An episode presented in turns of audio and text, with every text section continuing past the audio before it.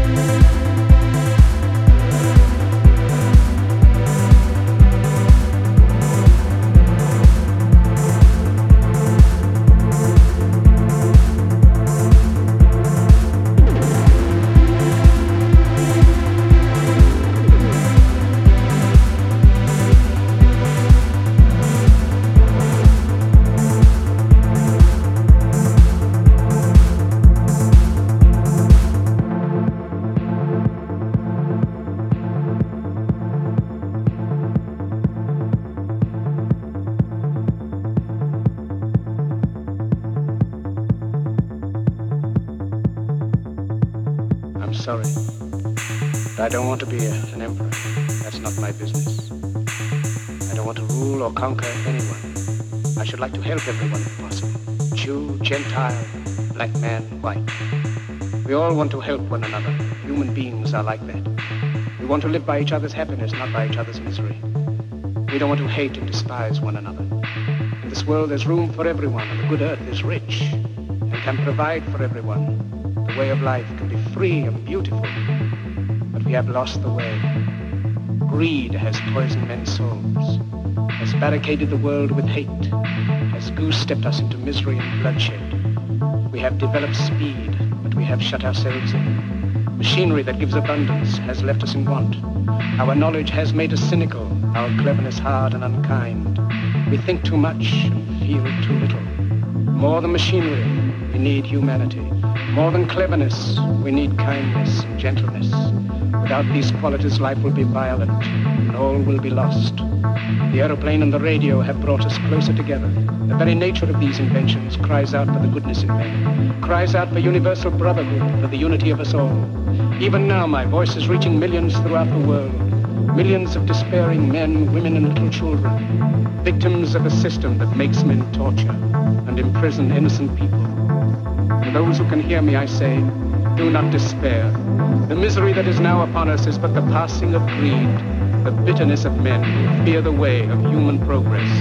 The hate of men will pass, and dictators die, and the power they took from the people will return to the people. And so long as men die, liberty will never perish.